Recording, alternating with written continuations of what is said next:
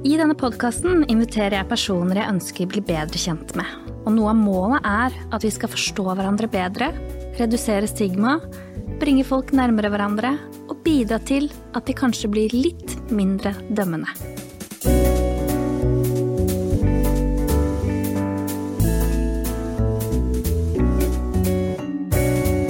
Du lytter til Snakk med Silje. Ja, velkommen, eh, Sigmund Karterud, professor i psykiatri. Ja. Og du har jo Det er vel 200 publikasjoner i, artikler og hva er det, 17 bøker eller noe sånt som du har skrevet? Om temaene personlighet, selve, gruppepsykologi og en del eh, spennende temaer. Personlighetsforstyrrelser, Ja, psykoterapi allmenn sett. Og er jo en av de som har utviklet eh, en ganske anerkjent eh, behandlingsmetode for en del eh, personlighetsforstyrrelser. Mentaliseringsbasert terapi. MBT, som vi kommer til å forkorte det til. Ja, ikke sant? Sammen med Peter Fonagy og Anthony Bateman, er det det? Ja. Så det er veldig imponerende. Og, og så har du jo uttalt deg litt i mediene i det siste om bruk av medikamenter i psykiatrien. Og det sånt, Ja. Så det er mange temaer vi kan snakke om. Men jeg tenker kanskje vi kan begynne med det med personlighet. Da. Ja. Eh, Hva, hvis, bare sånn ja, fordi at når du, når du nevnte MBT, da, Ja. Eh, som i utgangspunktet da var en, eller er en behandling for emosjonelt ustabil personlighetsforstyrrelse, det er et langt ord. Så jeg kommer til å forkorte det til borderline. ja. Ja. Altså som borderline, altså emosjonelt ustabil personlighetsforstyrrelse, det er en svær sekk. Uh, og, men de som fungerer dårligst der, de er grensepsykotiske i perioder. Det er derfor man har dette begrepet borderline, altså på grensa mellom normalitet uh, og galskap. Men alle med emosjonelt ustabil personlighetsforstyrrelse er ikke der, men likevel. Jeg bruker ordet uh, ord borderline, da. Ja, for det er vel egentlig den amerikanske hva skal jeg si, begrepet Engelskspråklig. Ja. uttrykk for, for det hele. Og som jo Det er jo derfra våre teorier kommer. Ja. Altså Teori omkring borderline, det er liksom ikke utvikla i Norge. Det, er- så, så, så derfor, og det har også med diagnostikk å gjøre, at vi bruker jo mye amerikanske diagnosesystemer. Så vi importerer jo mye begreper fra, fra USA, men, eh, men borderline, da. Men eh, poenget da med å, å lage da et eh, behandlingsprogram for personer med borderline, det er jo det at eh, det er vanskelig tilstand å behandle. Ubehandla så har de eh, veldig dårlig prognose, det går dårlig med dem. Eh, De klarer De blir ofte uføre i tidlig alder, høy selvmordsfrekvens, blir gjerne lever dramatiske selvdestruktive liv. De har, vært, eh, har vært, hatt en tendens til å være kasteballer i psykiatrien plagsomme gåsehudene pasienter som uh, folk blir leie av fordi de eh, lager så mye bråk i gåsehudene. Uh, og eh, så Og det har tidligere vært en uttalt behandlingspessimisme når det gjelder, når det gjelder borderline. Og eh, psykiatrien har ikke, har ikke likt dem. Nei. Eller noen har likt dem godt, men noen har eh, tatt veldig avstand. Så borderline-pasienter skaper også litt sånn polariserte holdninger rundt seg, som har sammenheng med hva dette her handler om på, liksom på den indre banen. da når det gjelder selve deres, eller når det gjelder altså deres identitet, som, er- som er ganske fragmentert, oppstykka. Altså emosjonelt ustabil, det betyr jo ustabil i retningen av snart jeg er sint, snart jeg er lei meg, snart jeg er ditt, snart jeg er datt, men også ustabil når det gjelder eh, identitet, altså hvem er jeg eh, innerst inne? Altså hvordan eh, Hvem er jeg? Mm. Det fordi jeg skifter så fælt. Uh, og, så, de, så, det setter hele spørsmålet om selve på, på dagsordenen. Uh, og det er liksom overfor denne, denne gruppa her, da, som uh, setter mange behandlingsprinsipper liksom på prøve. Det at uh, vi da etter hvert har utarbeida et, et, program som det viser seg, da, når vi forsker på det, har, har god effekt. Slik at eh, det går an å endre. Altså Tidligere har det vært litt sånn én gang, alltid borderline. Nei, sånn, sånn, er det ikke. Og prognosen, altså med tanke på forløpet, har da blitt eh, gradvis blitt bedre. Det er grunn til eh, behandlingsoptimisme. Ja, og, men borderline det er jo da én personlighetstype. Én mm. personlighetsforstyrrelse. Det finnes ti-elleve andre. Mm. Så det setter også da på dagsordenen liksom, hva er personlighet? Ja. ja, hva er det da? Kan ja, ikke du si litt om det? Hva, hva, er det? Jo, altså personlighet er jo, er jo består av flere komponenter.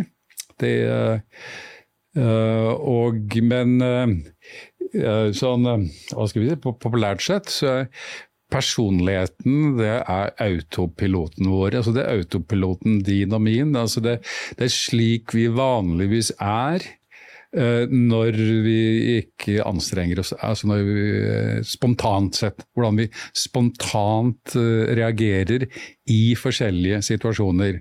Mm. Altså, og det viser seg da, at vi reagerer ganske, eh, ganske altså, Eller kjernen i vår personlighet kommer fram i, i, forskjellige situasjoner omtrent som den samme. Altså, jeg, jeg kjenner meg igjen i, uh, når jeg er i butikken, uh, som, som, når jeg foreleser, eller når jeg har pasienter, eller, eller når jeg snakker med, snakker med deg.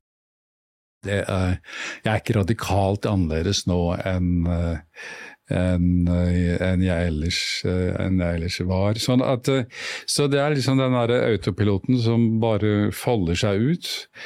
Og den kan jo da stykkes opp da i forskjellige eh, komponenter. Det, og dels så henger det sammen med hvordan er vi skrudd sammen med henblikk på våre følelser. Og da særlig de grunnleggende følelsene som vi, eh, som vi har. Det er jo syv grunnleggende følelser, og så kommer en del sosiale følelser uh, oppå det. Og så handler det om hva slags tilknytningsmønster uh, vi har, som er veldig avgjørende for hvordan det går en her i livet. Det, hvor tett er det vi er på, på andre, og, eller det grunnleggende er jo liksom hva, hva gjør vi når vi kommer i trøbbel? Søker vi hen til andre, eller later vi som ingenting? Det, og så er det dette med selve. Altså, i hvilken grad forstår vi oss selv? Altså, hvilket nivå av selvbevissthet er det, vi, eh, er det vi, har. Og dette kommer da i mange forskjellige eh, arter og hvordan, som gjør at vi alle da, alle da er forskjellige på en eller annen måte. Det, og vi som driver innenfor psykoterapi, da, vi blir jo etter hvert, altså når man får mer og mer erfaring, så blir man veldig slått av hvor forskjellige folk er. Det er så sånn at i, i populærpressen eller ellers som kommer med råd til folk, så vil vi tenke som så at mm, mm, ja, det er mulig, det, det, kan kanskje gjelde for noen, men det gjelder i høyeste grad ikke for alle mennesker. Folk er veldig forskjellige, og, da, og særlig innenfor vårt yrke mm. så er det da grunn til å, å se denne forskjelligheten og, eh, da, og, og, se tydelig hva slags, hva slags person er det vi eh, har eh, overfor oss. Og hva er det vedkommende sliter med, for å kunne liksom gå rett inn og forsøke å gjøre noe med det som er det vedkommendes litt sånn sentrale knuter, mm. eller knuter. Ja, og personlighet det har jo veldig mye å si for hvordan du er med andre mennesker. Altså det, er sånn, det viser seg jo veldig tydelig i relasjoner på mange måter. Da. -hmm. Altså, spesielt sånn den emosjonelt ustabile, altså borderline. Mhm. Så strever man jo ofte i relasjoner, og det, er, og det er jo veldig vanskelig for oss mennesker, fordi relasjoner er jo så viktige. Og så er det veldig høyt lidelsestrykk, veldig mange av de. Ja. Og, og det er jo så bra at uh, man har klart da, å finne måter å hjelpe denne gruppen på. Og de er veldig stigmatisert, opplever jeg, Ja. i samfunnet generelt, og også i psykiatrien. Ja. Uh, man tenker litt sånn at nei, du får nesten klare deg sjøl, på en måte. Altså litt sånn dette, Dette her, uh, dette blir Nei, det, det er ikke noe god prognose uansett, nesten. Men Ja, men, så, men da er det jo viktig da, å ha um, klarhet i, i vars, på hva slags områder er eh, da disse med emosjonelt ustabil personlighetsforstyrrelse sliter. Hva, hva er det som er det mest sårbare punktet for, eh, for dem?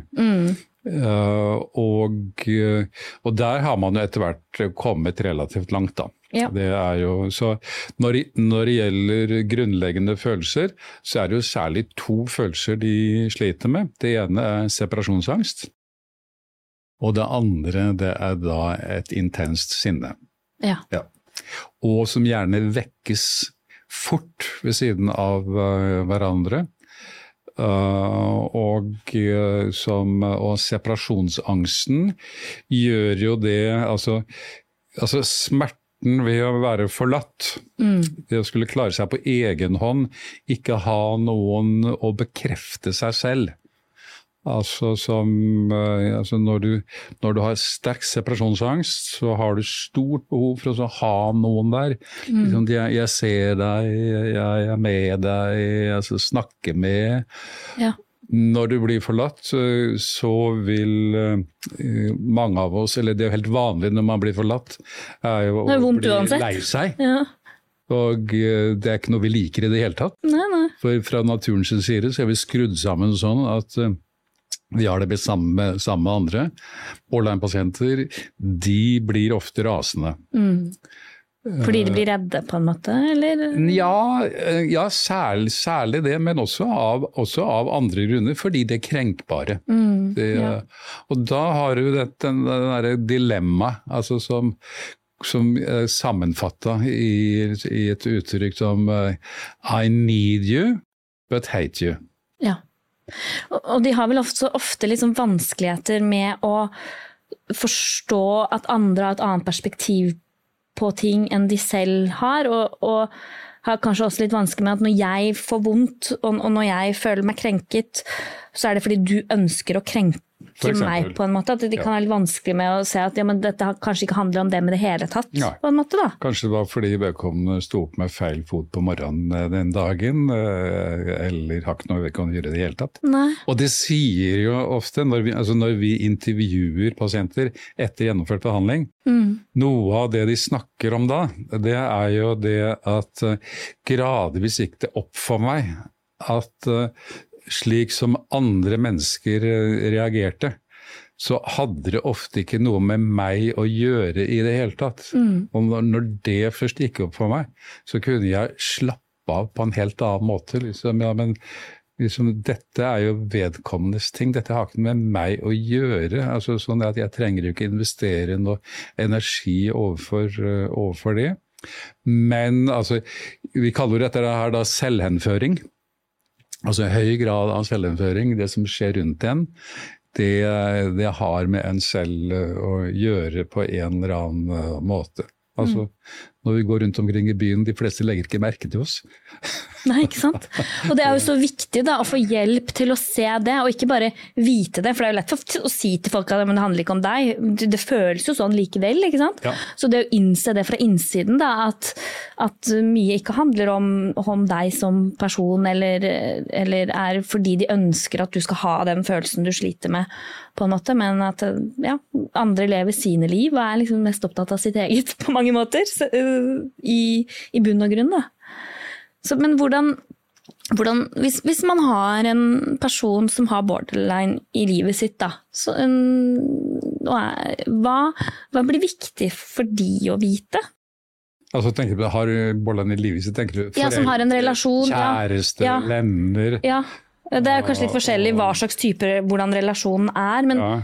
men, men litt sånn For, for det, det er jo ofte litt vanskelig å være i relasjon med en som har borderline. Ja, altså, li, måte, altså Borderline-pasienter er jo ofte øh, øh, altså de, er jo ofte utadvendte, Øh, ofte kreative. kan være en fest å være sammen med. Eh, og, eh, og, men de er ustabile. Og de er intense følelsesmessig. Eh, Så det er jo noe For det første noe om å være oppmerksom på deres sårbarhetspunkter, Ja. som jeg nevnte. De har lav terskel for sinne. Ja. Det er liksom Det må man Men og så er det også noe med dette med, med altså de, de, som er omkring, da, dette med følelser. At uh, følelser er noe som kommer, men det går også, stort sett. Følelser kommer og går. ja, gjerne sånne bølger, at det kjennes veldig Følelser kommer kommer i bølger, Ja. ja. Uh, og, og når følelsene er på topp, så kommer det urimeligheter inn når det gjelder uh, tanker og påstander og anklager. Ja. Ja. Altså når man roer seg igjen, så, så, vil, så vil ting kunne ses ut uh, annerledes. Så punkt én, det har noe med tålmodighet å gjøre. Mm. ja. Dette- Bare tåle at det er mye Vedkommende er sårbar. sårbar. Det er, nå, nå reagerer vedkommende heftigere enn en enn mange andre. Take it easy. Det, dette her kommer til, kommer til å gå over. Og det at vedkommende da er så sensitiv når det gjelder, når det gjelder eh, separasjonsangst Ja, sånn, sensitiv for avvisning og, for, alt som på en måte kan Og for avvisning, riktig. Det, så er det noe med å trygge, trygge vedkommende. Ja, det Og så er det det at, ja. uh, at altså emosjonell ustabilitet kommer jo, som vi kommer til å komme litt inn på, uh, i grader. Uh, det, og, og hvis du virkelig hvis du, hvis du tilfredsstiller kriteriene for emosjonelt ustabil personlighetsforstyrrelse Men noen kan jo ha dette i lettere grad, men hvis du tilfredsstiller kriteriene, så bør du jo inn i psykoterapi på en eller annen måte. Uh, og da er det jo om å gjøre at uh, familie, venner, kjærester støtter opp om det terapeutiske prosjektet. Det, fordi det å gå i psykoterapi er jo ikke noen enkel sak. Vedkommende blir jo krenket der også. Vedkommende blir overlatt til seg selv, vedkommende får ikke akkurat som, eh, som man vil. Man kommer inn på gamle traumer, eh, ting, ting som er vanskelige. Vedkommende kan synes at terapeuten er et helvete, eh, vil gjerne slutte. Det eh, ruser seg, drikker for mye, syns at alt, eh, alt er pyton. Altså, da er det noe med å holde ut behandling, og der spiller familie og venner og kjærester stor rolle. Ja. Det med Motivere til å holde Motivere til å holde ut, møte opp selv om du syns at terapeuten er en drittsekk. Gå tilbake selv om du syns at gruppa i gruppeterapien er pyton. Gå tilbake, snakk om det, snakk om det der. Mm, ja, det blir viktig da, og, og måte at familie ikke skal få, måtte ta alt inn og kan på en måte Ok, men det er lurt at du snakker om med behandleren din Ja. eller i gruppeterapien. Ja. For det er jo gjerne begge deler ikke sant, i MBT-behandling. Ja. Så vi har jo, altså i et MBT-program, så har vi da også en eh, sånn psykedukativ kveld for eh, pårørende. ja. Altså hvor vi forklarer da om uh, hva handler dette her om, og hva anbefaler vi, og hvordan. Og her i Oslo nå så er det jo en kollega, Kristian Slyter, som uh, har begynt med gruppe for kjærester Å ja, til de med, de med borderline. så bra. Ja. Altså, og det, har, det er jo hovedsak Da er det jo hovedsak borderline jenter, slik at kjærestene er menn, da. Mm. Uh, og det er noe da og i, og i, denne, I denne gruppa så deler de erfaringer med hvordan hvordan er det å holde ut med denne kjæresten? Eh, Hva er det som er bra? Hva er det som er, er, det som er påkjenning? Hvordan utvikler ting seg, eh, etc. Mm. Og, eh, og det er et kjempebra eh, tiltak. Det tenker jeg er Ja. så viktig, fordi det er en såpass krevende for, på en måte, Det kan være ganske krevende da, for de som er rundt. Men det høres jo ut som at det kanskje også blir litt viktig å trygge de i form av å forklare de hva som var årsaken til at du selv reagerte som du gjorde. Da, sånn at de kanskje ikke tar ting så personlig. Ja. på en måte, At man er litt mer sånn Jo, nei, det var ikke det jeg mente. Eller det, det var ikke, jeg ønsket ikke at du skulle ha det sånn. Det var ikke derfor jeg sa det. Eller gjorde det på den måten at man hjelper de til å se at uh, du selv ikke nødvendigvis ønsker den reaksjonen som vedkommende fikk. Da. Mm -hmm.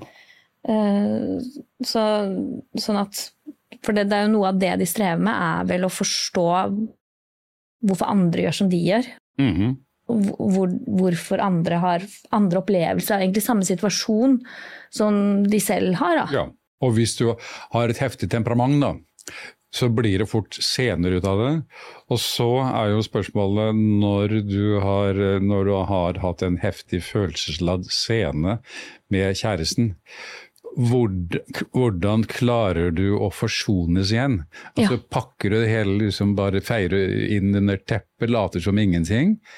Eller klar, klarer du å etterpå, i ro og fred, gå gjennom sånn eh, Jo, eh, da jeg sa så skjønner jeg at du Men det var ikke som du sier, men det var ikke meningen at. Og kan vi nå bli, kan vi nå bli enige om forståelsen av hva det var som skjedde? Ja. Ja. Som, og når folk har gått i terapi en stund, så blir de bedre og bedre til den slags da, reparasjoner av små brudd i, i hverdagen. For hvis ikke de bruddene blir reparert, så blir de bare større og større. Og så blir det brudd i kjæresteforholdet. Og det er et kjennetegn ved borderline-pasienter at de har intense kortvarige, heftige forhold som bryter sammen. Ja. Så er det pause en stund, eller det trenger ikke være det heller. Og så er det et nytt som også blir intenst og heftig. Det, uh, og med litt svart-hvitt-tenkning, og som bryter, uh, bryter sammen. Så uh, dette da med å identifisere brudd, og det er det som vi innenfor fagspråket, da, når det gjelder mentaliseringsbasert terapi, det er jo klarer du, altså hvor terapeuten vil si at ja, altså her, ja, her virker det som om du ble veldig altså, lei deg, forbanna, redd, hva, hva det måtte være. Og at du begynte å tenke veldig skjematisk og i, og i svart-hvitt. Klarer du å se det? Ja. Ja. Altså klarer du nå, når du sitter her rolig sammen med meg, klarer du å se hvor oppkava du ble, både følelsesmessig og tankemessig, der og da? Uh, og hvis du først klarer å se det og få et reflektert forhold til det, så begynner man jo etter hvert da å kunne, kunne reparere slike ting sammen uh, med kjæresten, og gjerne også mamma og pappa, selvsagt. Som jo ofte er intense Ja. følelser i forhold til. ja. Det er så viktig og bra at dere nå har en behandlingsmetode som hjelper folk med akkurat de tingene.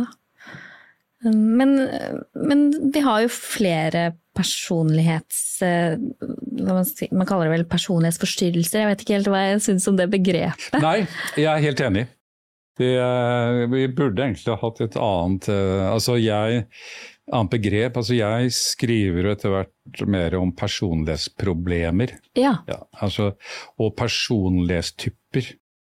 Altså, vi, det definitivt at folk har forskjellige personlighetstyper. ja, ikke sant? Og folk har mer eller mindre personlighetsproblemer. Alle har personlighetsproblemer i en eller annen forstand, men dette er en dimensjonal greie. Ja. Du har, noen har mye av det, andre har eh, mindre av det, som gjør at livet stort sett uh, rusler og går uh, relativt uten, uten svær dramatikk. Så, men disse personlighetstypene, da, altså diagnosesystemene, opererer jo med elleve forskjellige typer. Altså Nå har vi vært inne på emosjonelt ustabil, da. Mm. Men så har vi narsissistisk, f.eks. Heller ikke lett å behandle eller å, eller å forholde seg til. De, altså de som er, de som er emosjonelt ustabile, er lettere i den forstand at de er mer hjelpsøkende. Ja. Altså, de erkjenner at, at ja, jeg, jeg, har problem med, med sånn og sånn. Mm. Altså det hvorvidt de har en korrekt forståelse av uh, hva det handler om, det, det er noe som Men likevel at det er ett eller annet i livet mitt med, som har med følelser og forhold til andre mennesker som, som uh, ikke funker helt. Det som gjør at jeg sliter. Det, mens en med narsissistisk personlighetsforstyrrelse vil være mye mer eksternaliserende. Ja, og skylde på alle andre, liksom. Det er i andre.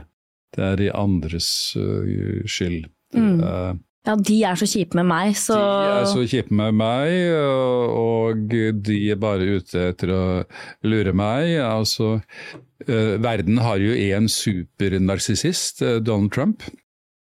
Så alle som Altså, han fra, fra et faglig synspunkt så er jo han en gavepakke.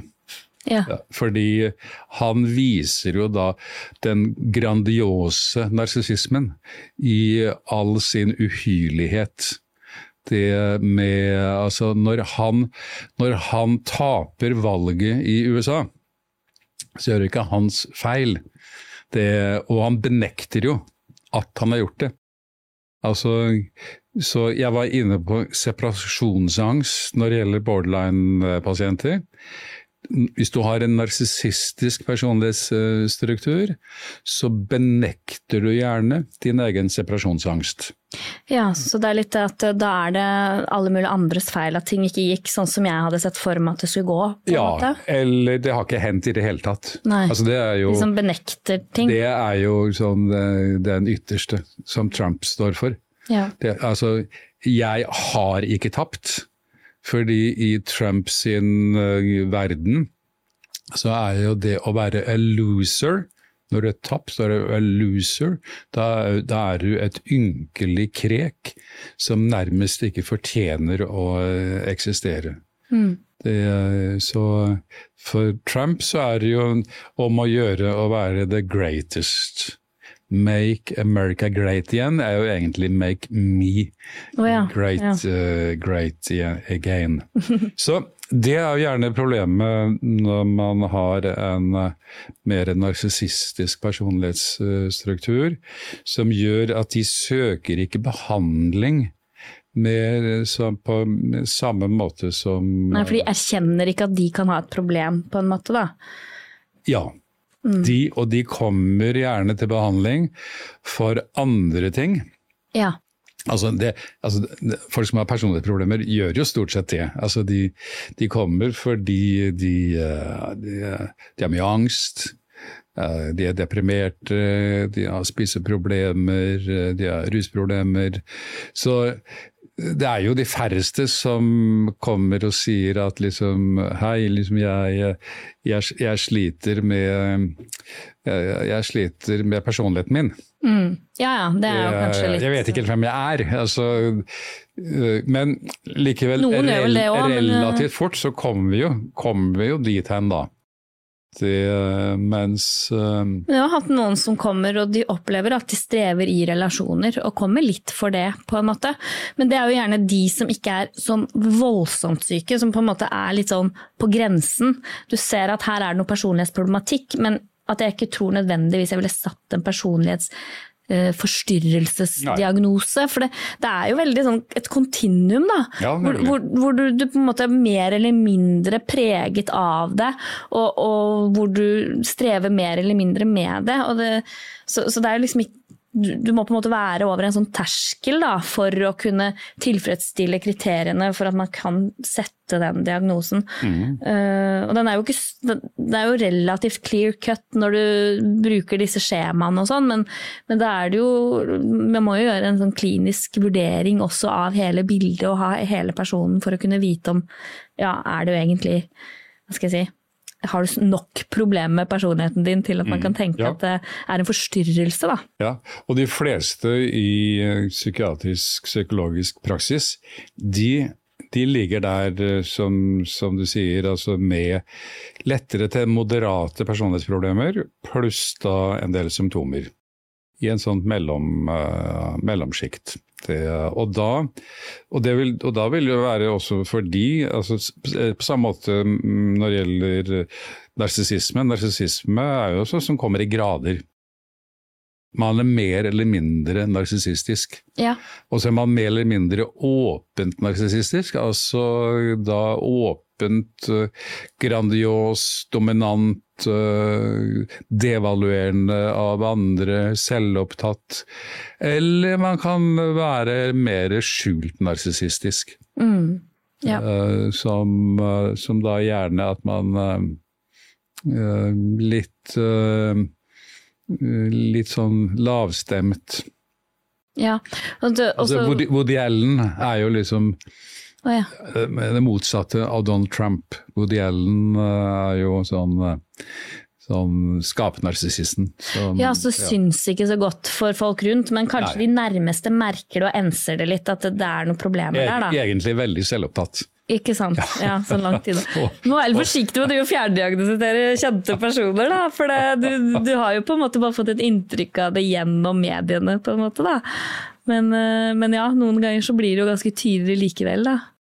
Du, du har jo allerede vært litt inne på liksom, hvordan det synes utad at en narsissistisk person, eller en person som har en narsissistisk personlighet, eh, opptrer. Men, men hva ligger liksom bak den diagnosen, da? Den, Altså hva de, eh, hva de sliter mest med? ja, på en måte. Altså de, de sliter også med da en um, hva skal vi si, en splittelse i selve sitt. Altså på den ene siden med da et, ganske, et grandiost selvbilde. Mm. At uh, egentlig så er jeg, eller burde være, verdens beste på et Ja. eller annet område. Det, og det at jeg tilsynelatende ikke det, det er jo en krenkelse. Eh, Men det skyldes bare et eller annet. Folk vet ikke ennå helt eh, hvordan, eller har ikke kommet hit. Eller, og alle burde egentlig være opptatt av meg. Og jeg burde egentlig da helst bare omgås eh, viktige personer. Uh, altså ganske devaluerende i forhold til, i forhold til andre. Veldig oppmerksomhetskrevende. De, uh, som, uh, altså som, apropos da utsagnet når, når noen kan noen si at nå, nå, nå har, tror jeg at jeg har snakket nok om meg. Hva syns du om meg? Ja, ikke sant. Fortsatt om meg, liksom. Ja. Uh, og arrogante. Uh, ja. Føler seg liksom berettiget. De skal liksom snakke med den øverste sjefen og den liksom personen som er viktigst, da, på et eller annet vis. Og Hamsun, for eksempel. Oh, ja. Hamsun gikk rett til topps. Det, Hamsun, eh, det som gjorde at Hamsun begynte på eh, forfatter, eh, forfatterkarriere, eller begynte å skrive, det var jo fordi han mottok et stipend da fra, fra den største væreieren i, i Nordland. Uh, og som han liksom gikk rett til, og, og, og liksom sa at jeg, jeg har et kjempetalent, liksom, jeg, men jeg trenger penger for, for å dra til København. Uh, og for å komme, komme videre. Og fikk skrevet ut en ganske Wow. svær sjekk. Hamsun gikk direkte til kongen. Uh, han gikk jo direkte til Hitler. Og da, da Hamsun Da han flytta, flytta til, til Sørlandet uh, og kom i konflikt med noen lokale bønder uh, om fiskerettigheter inne i fjorden der, så gikk han rett til justisministeren.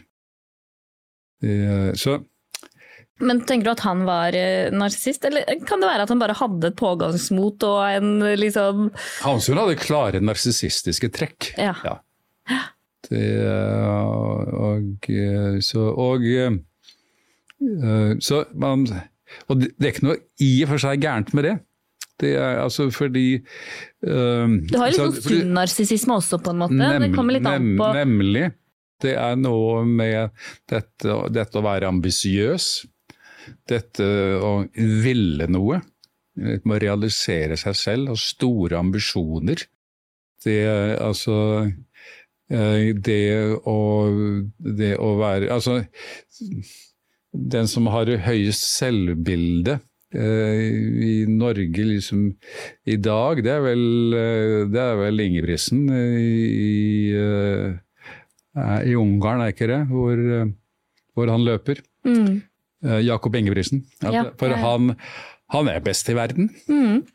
Men han er jo faktisk det, ikke sant? Ja, Så det er litt ja. sånn, Og da er det jo kanskje greit å, å på en måte Ja, nemlig. Altså, kjenne på han, det. og han, han sier det jo. Han, men han er jo da eh, selv om han sier og mener og faktisk er det, så er han, han en likandes kar. Det er noe med det. Han er Han, ikke noe sånn, eh, som devaluerer andre, for Nei, det er jo litt det usunne med nemlig, det. Du får ikke følingen ved at han er arrogant, nedlatende overfor andre, og, men han liksom han, ja, han har store ambisjoner, og han står for det. Mm. Men han, uten de divafaktene. Ja, ja, ja. Men hvordan forholder man seg til en som har en sånn narsissistisk personlighet, da? Hvordan kan man beskytte seg selv litt? Fordi det er jo Man kan jo gjerne bli devaluert en god del og få skylda for veldig mye problemer, og, og, og det er jo veldig sånn at en person som har en sånn personlighet, ofte det, det er ikke noe det er liksom betingelser for at de skal gi noe av seg selv på en måte, eller at man skal vie den andre oppmerksomhet, er det ikke det? Jeg, jeg er ikke så um, du, du er jo eksperten her på, på de som har en sånn personlighet. Hvordan strever de i relasjoner, og hvordan kan de Ja. forholde seg? Ja, altså de ehm, eh, De uh, altså Da må vi litt tilbake til hva som personligheten nå er satt sammen av, Ja. og som vi var inne på. Så er den jo satt sammen av disse grunn, grunnleggende følelsene. Uh, og en grunnleggende følelse, eller emosjon, da, men som ikke er emosjon i, i sånn ordinær forstand, det er sosial dominans. De grunnleggende følelsene, de er arvelig betinga. De uh, som uh, Altså, du Alle har, uh, har anlegg for sinne. Alle har anlegg for å bli lei seg. Alle har anlegg for kjærlighet og empati, etc. Men hvor sinte vi er, det, det varierer. Det, så, men, men det er sånn 50-50. Eh, Genetisk og 50-50 når det gjelder hva vi er opplært til gjennom, eh, gjennom oppveksten. Eh, Narsissisme kommer med et anlegg for sosial dominans. Det, altså, da, altså Apropos Trump, da. Altså ønsket om å bestemme, ønsket om å være i midtpunktet, ønsket om, ønske om å dominere. Det, eh, altså hvis du, hvis du tar ti, ti, person, ti personer og sier at nå skal vi lage en gruppe her, vi skal ha et eller annet opplegg, vi skal gjøre sånn og sånn. Eh, hvem kan tenke seg eh, å være lederen her? Så vil noen vil umiddelbart rekke opp handa, noen vil umiddelbart se bort. Mm. De som, er, de som har unnvikende personlighetsforstyrrelse, Ja. de blir livredde. De vil gjerne være i bakgrunn, de vil være followers, og så er det de som vil bestemme. Mm. De, uh, Så det er liksom stor kontrast der, da. det er stor kontrast. Mennesker eh, de, eh, de er veldig forskjellige når det gjelder, eh, når det, gjelder det. Så, men selv om, du, li- selv om du melder deg som, uh, som at du gjerne vil være foreldrerepresentant Du trenger ikke å, å være narsissistisk for det. Det er, det er ikke det. Men, eh, men du har veldig behov for det. det hvis du har en narsissistisk eh, personlighetsforstyrrelse. Altså, og som har da sammenheng med også den, eh, en blanding av den makta du får, men også den oppmerksomheten du får. Ja, du liker liksom å skinne og syns. Ja. Det, altså jeg Det er liksom jeg I'm in charge here.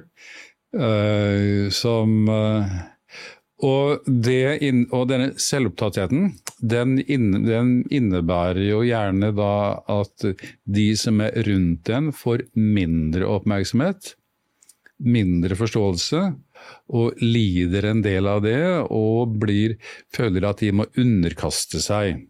Det, og da, så å få til da et likeverdig forhold, som er liksom, det er jo det som er idealet for moderne forhold i vår tid. Sånn har det ikke alltid vært, men i vår tid er det det. Mm. Det, skal være, det, skal være, likeverdige forhold hvor man liksom deler på, ser hverandre, samarbeider, eh, samarbeider om ting.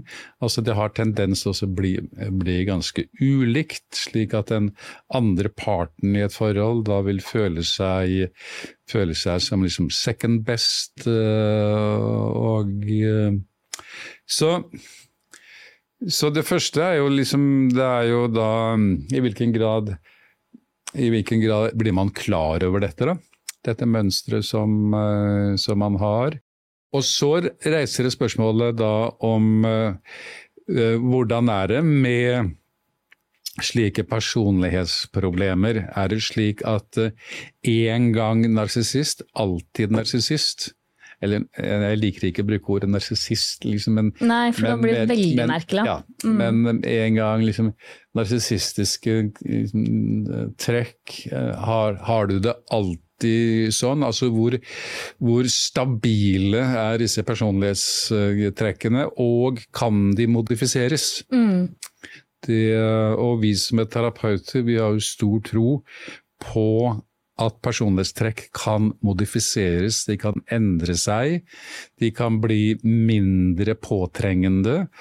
Og man kan lære seg til å forholde seg til seg selv, eh, altså slik at når, når noen påpeker, når, hvis kjæresten påpeker ja, men nå Harald, nå nå, du, nå, begynner du å bli litt selvopptatt igjen. 'Å ja, gjør jeg det?' Å ja, ok.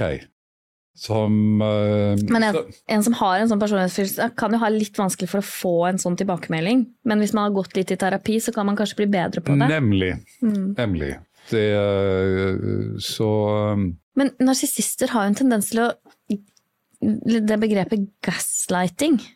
Altså at at man på en måte benekter liksom situasjoner og ting som har skjedd, og, og, prøver å liksom si til andre at ja, men det var jo Nei, nå husker du feil, eller nei, det var ikke sånn det var, eller da misoppfatta du, eller At man på en måte får den andre til å liksom tvile litt på sin virkelighet, da, når det er i relasjon med en som har en narsissistisk personlighet. F.eks. Mm -hmm. hvis det er foreldrene dine eller en partner. da. Mm -hmm. Hvordan skal man liksom forholde seg til det, og, og Hvorfor tror du de opp, oppfører seg på den måten?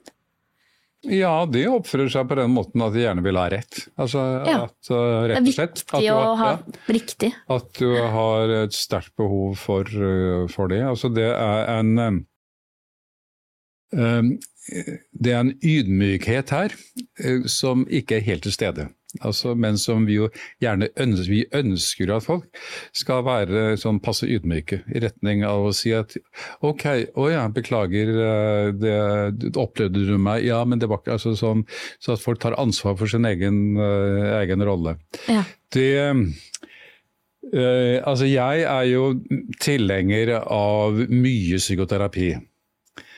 Uh, og jeg mener jo fremfor alt grupper. Ja. Gruppeanalyse og gruppepsykoterapi. Ja, For da kan så, få litt de tilbakemeldingene yes. fra de andre? Ja, så jeg mener jo at det er altfor få folk som går i, i gruppeterapi. ja, ja, men det, det, det, høres jo veldig spennende ut, da. Og, og, det er en sosial arena hvor folk med narsissistiske tendenser, de, der får de brynt seg i retning eh, av Fordi andre gruppedeltakere eh, de vil kunne være også litt friskere på tilbakemeldinger enn det vi terapeuter er. Altså, terapeuter kan gjerne være litt sånn pusekatte, sånn pusete, i retning av at folk er så sensitive og de er så sårbare og sånn. Mens, mens, i gruppeterapi så er det ofte så sitter liksom tilbakemeldingene litt løsere og det er, det er litt freskere. ja. Ja, og så er det jo mer en likeverdig relasjon, så man blir kanskje ikke like krenka hvis det er en som på en måte også er i gruppeterapien, da, enn at, en, at psykologen din kommer med en litt sånn skarp tilbakemelding. da. Tror du det har noe å si også, på en måte? At det er lettere å ta det imot når det er noen som har liksom litt mer eh, litt mer lik maktforhold? Ja, og da får du gjerne og da, altså I en gruppe så vil du da gjerne få eh, en sekvens da, hvor dette spiller seg ut. Ja. Uh, og da, når terapeuten ikke sitter i uh, ildlinjen selv, så har jo terapeuten anledning til å si at liksom ok, skal vi stoppe der folkens? Altså for å hindre at folk flyr i strupen på hverandre. Skal vi stoppe der, folkens, og skal vi så gjennomgå hva var det som hendte nå? Mm. Altså slik at du får, du får etablert eh, da en hendelse som er fersk, og som du kan reflektere over, og hvor det kommer inn mange forskjellige synspunkter. Det er veldig god øvelse da for, eh, ja, for de fleste, men, men særlig når du har, litt, når du har narsissistiske tendenser. Ja, så egentlig er jo det veldig bra både for de som har borderline, og for de som har narsissistiske tendenser å gå i gruppeterapi, da. Men folk flest også kan sikkert ha godt av det, for da får man jo øvd seg litt på hvordan andre reagerer på deg, sånn at du kan holdt jeg på å si, bli den beste versjonen av deg selv. Ja. Eller litt sånn ja. ja. få en eh, personlighet som, som uh, har det lettere i relasjoner med andre. Da. Ja. Og det er veldig godt egnet sånn, fordi at i en gruppe, så vil i hvert fall i gruppepsykoterapi og gruppeanalyse, så vil det handle om deg som person. Det er ikke, det er ikke sånn øvelser overfor for, ja, for eksponere seg eller for å, eller sånn spesifikt for å bli kvitt angsten sin, eller det. Altså det er ikke symptomretta. Det er, det er, hvordan man er, hvordan man forholder seg til andre. Og når man får gjort noe med det, så vil symptomene klinge av. Det, men det tar litt lengre tid. Det, så er, folk vil gjerne ha litt sånn quick fix i retning av at jeg, jeg vil bli kvitt det som plager meg mer enn en å forstå det og utvikle seg. Å, altså mer enn å se på at det plager meg noe, som da et, som da er et symptom på, eller et tegn på, at det er et eller annet ved meg som ikke funker helt. Det er nettopp det, og, og der er jeg så enig med deg. For jeg har jo spesialisert meg i emosjonsfokusert terapi, mm. som også er liksom en retning som er mer sånn transdiagnostisk, hvor du prøver å gå til kjernen av uh, hva som gjør at du reagerer sånn som du gjør i de i ulike situasjoner, og ofte relasjonelt. Da. Og når man får jobba med akkurat de tingene der, så, så faller jo de symptomene liksom på plass av seg selv. Mm. Og du slipper å hele tiden jobbe for å mestre symptomene eller prøve å tenke annerledes. Det er liksom noe som går litt av seg selv etter hvert. Da. Mm. Jeg ønsker å takke alle dere som har støttet podkasten min med en pengegave. Det setter jeg enormt stor pris på. Målet med denne podkasten er på ingen måte å tjene penger, men det koster litt å lage podkast. Å leie studio, filme og redigere både lyd og bilde. Og Derfor er jeg veldig takknemlig for alle som ønsker å bidra. Det gjør at jeg kan holde den åpen og tilgjengelig for alle. Eh, og om det er flere som setter pris på podkasten min, så har dere mulighet for å donere penger i VIPS ved å søke opp 'Snakk med Silje' eller bruke VIPS nummer 806513. Og husk å skrive hvem det er fra og nummeret ditt, sånn at jeg kan få takka deg personlig. Er det noen flere av personlighetsforstyrrelsene vi burde liksom gå litt mer inn på? Vi har jo nå gått gjennom liksom to som veldig mange, eller veldig mange, altså hvor normalt er disse personlighetsproblemene egentlig i samfunnet? I ja, altså øh, Hvis du skal gå etter øh, sånn diagnoser av diagnoseterskel, altså som vi har vært inne på, så har man folk har mer eller mindre. Men de som da øh, tilfredsstiller krav til diagnose, der det vil være 10-12% av befolkningen. Ja, Som har en eller annen form for en personlighetsforstyrrelse ja. Ja. i klinisk forstand? Ja, så det er ganske mange. Ja. Og så kommer de som har sliter eh, med seg selv, eh, sånn, men ikke, ikke, til de grader. Sånn at eh, det er en ganske stor del av befolkningen som sliter med selvet sitt. Mm. Og hvordan forstå seg selv, hvordan håndtere følelsene sine, hvordan skal jeg være i forhold til andre, hva er mål og mening her i verden, og som ja. Mm. Og andre personlighetsforstyrrelser som folk kunne kanskje vært litt interessert i å høre om, er vel også dyssosial personlighetsforstyrrelse, eller mm -hmm. Antisosial, ja. Antisosial, ja. Mm. Um, og det er vel noen av de som har den type diagnosen, kan man jo måte betraktes litt som psykopater, da. På en måte. Det man i, på folkemunne kaller eh, psykopater. Men det er jo ikke sånn at alle som har en antisosial personlighetsforstyrrelse, kan betraktes uh, som det. Nei. Eh. Cirka, cirka en tredjedel. Ja av de som har antisosial personlighetsforstyrrelse, har også psykopati. Hvis, altså det finnes nå en definisjon på det. Det finnes en sånn uh, psykopat-sjekkliste. Ja, med 16 kan, punkter eller noe ja, sånt. Uh, som gjør at du kan få noen scoringer, og, og der, som gjør at du kan sette en sånn cut-off level.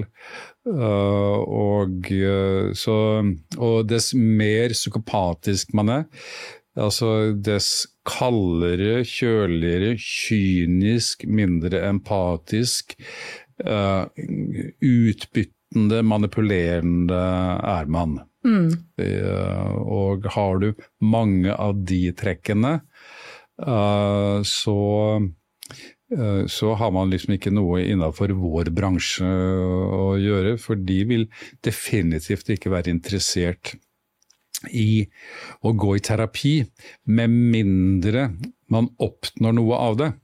Ja, man kan tjene noe. Ja, det kan være da soningsutsettelse uh, f.eks., uh, eller man, man, får bedre soning hvis det er slik at man, man setter i fengsel, eller en eller annen fordel uh, ved det. Men ut ifra en mer sånn genuin motiv for å utvikle seg, så er ikke de interessert eh, i det. Men noen som har antisosial personlighetsforstyrrelse, kan være interessert i terapi? Ja, altså to, to tredjedeler har, er, jo ikke, er, jo ikke, psykopater, eller ikke, ikke, sterke psykopatiske trekk. Og de som gjerne da har eh, antisosiale med emosjonelt ustabile trekk, de vil ha eh, nytte av, eh, av terapi. De, men her har jo Og det er jo, eh, det er jo oftere menn, da, enn en kvinner.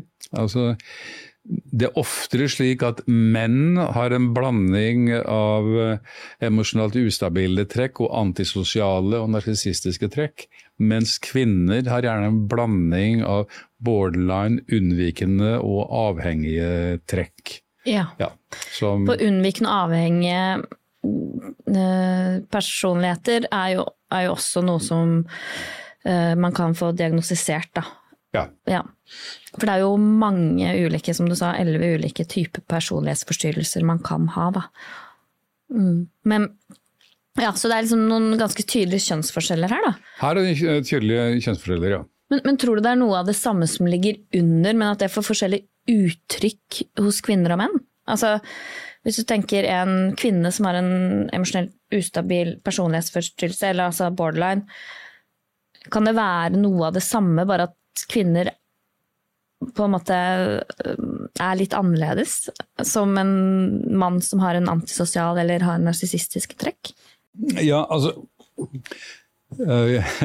hvis du skal komme inn på det, altså personlighet og kjønn, eh, så, eh, så er det ikke kjønnsforskjeller når det gjelder borderline. Akkurat. Altså det, er like, eller, det, er like, mange, grovt sett, mm. kvinner med emosjonelt ustabil som du har menn med emosjonelt ustabil personlighet. Akkurat, jeg trodde det var flere kvinner, jeg. Ja, mm. men det er fordi at du ser det gjerne i perspektiv av psykisk helsevern. Fordi at i, i, innenfor psykiatrien eller da den psykiske helsetjenesten, der er det flest uh, kvinner. Og, men de, man, de, som er menn med emosjonelt ustabil personlighetsforstyrrelse, hvor befinner de seg hen? I fengsel? Fengsel og eh, innenfor rusfeltet. Eller de søker ikke behandling i det hele tatt. Det, men når du først har en emosjonelt ustabil personlighetsforstyrrelse, så har du jo gjerne eh, da en god del andre trekk i tillegg. Og da vil jenter da ha mer unnvikende avhengige, mens menn da vil ha mer antisosiale, narsissistiske. Ja. Så utformingen vil være litt, uh, litt forskjellig. Ja. Hva, hva, tror du det kommer av? Det har med det har i første rekke uh, med omsorg og kjærlighet uh, å gjøre. Det, at, altså at og, og, separasjonsangst. Altså at Eh, at kvinner eh, har større evne til kjærlighet og empati, og som gjør at de da også er softere.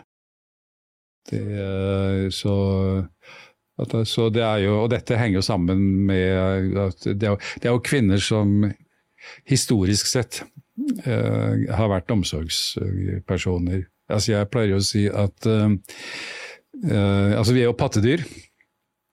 Uh, og uh, Så kjærlighet kommer jo inn i, kjærlighet og omsorg kommer jo inn i verden med pattedyrene for ca. 150 millioner år siden. Så kvinner har 150 millioner års erfaring med å ta seg av eh, barna sine. Mm. Så du tenker at det har noen biologiske forskjeller, da, medfødte forskjeller i akkurat det? Ja, og menn, hvor mange års erfaring har menn med å ta seg av eh, barna sine? Jo, det Jeg pleier å stille ja. det spørsmålet litt, når, når litt, det... litt, retorisk til studenter, og da er det noen som sier ja, fra 70-tallet. Er det, noen som, eh, er det noen som sier. Altså litt lengre enn det. Men dette her har jo, har jo sammenheng med når blir menn oppmerksom på at de er fedre? Det, og det, det, er ikke så forferdelig lenge siden i, uh, i evolusjon. Det, er, og, det har, og, det har, igjen sammenheng med når ble da menneskets forløpere monogame? Fordi Eh, hvis det, hvis det, er slik at du lever i en flokk hvor det ikke er monogami, hvordan vet menn hva slags barn som er deres ja, egne? Hvem er mine, de har, liksom? De har ikke peiling. De, de, men mødrene vet veldig godt. Mm, hvem er mitt? Hvilke barn som er ens egne. Så det er først med monogamiet at menn, menn, begynner å bli klar over at oi, men liksom, dette, er jo, dette er jo min unge. Mens dette er en annen, og begynner å ta vare på da, at du får familiedannelse og begynner å ta vare på familien din. Dette regner man med ca. 800 000 år siden, liksom, i den størrelsesorden. Mm. Så kvinner eh, har eh, sånn ca. 140 millioner års uh, forsprang. Så mye av biologien er jo Dette har nedfelt seg i, uh, i, biologien. Dette har jo da med empatisk evne å gjøre. Dette har med kvinners reaksjon på tegn på separasjonsangst og frykt, uh, frykt å gjøre. Som mm. gjør at de, er, de har mye lavere terskel for å reagere. Mens menn liksom må, de må Du må skrike høyere for å påkalle menns uh, oppmerksomhet. Ja. Det, ja. Og de barna som hadde omsorgsfulle mødre, de, det var mer sannsynlig at de vokste opp, da, hvis det ble passet bedre på på et vis. Ja. Så det er jo ikke rart at de har brakt de type genene videre fra sine mødre. Så det gir absolutt mening. Mm. Men ja, så men tilbake til psykopati Nei, egentlig antisosial personlighet.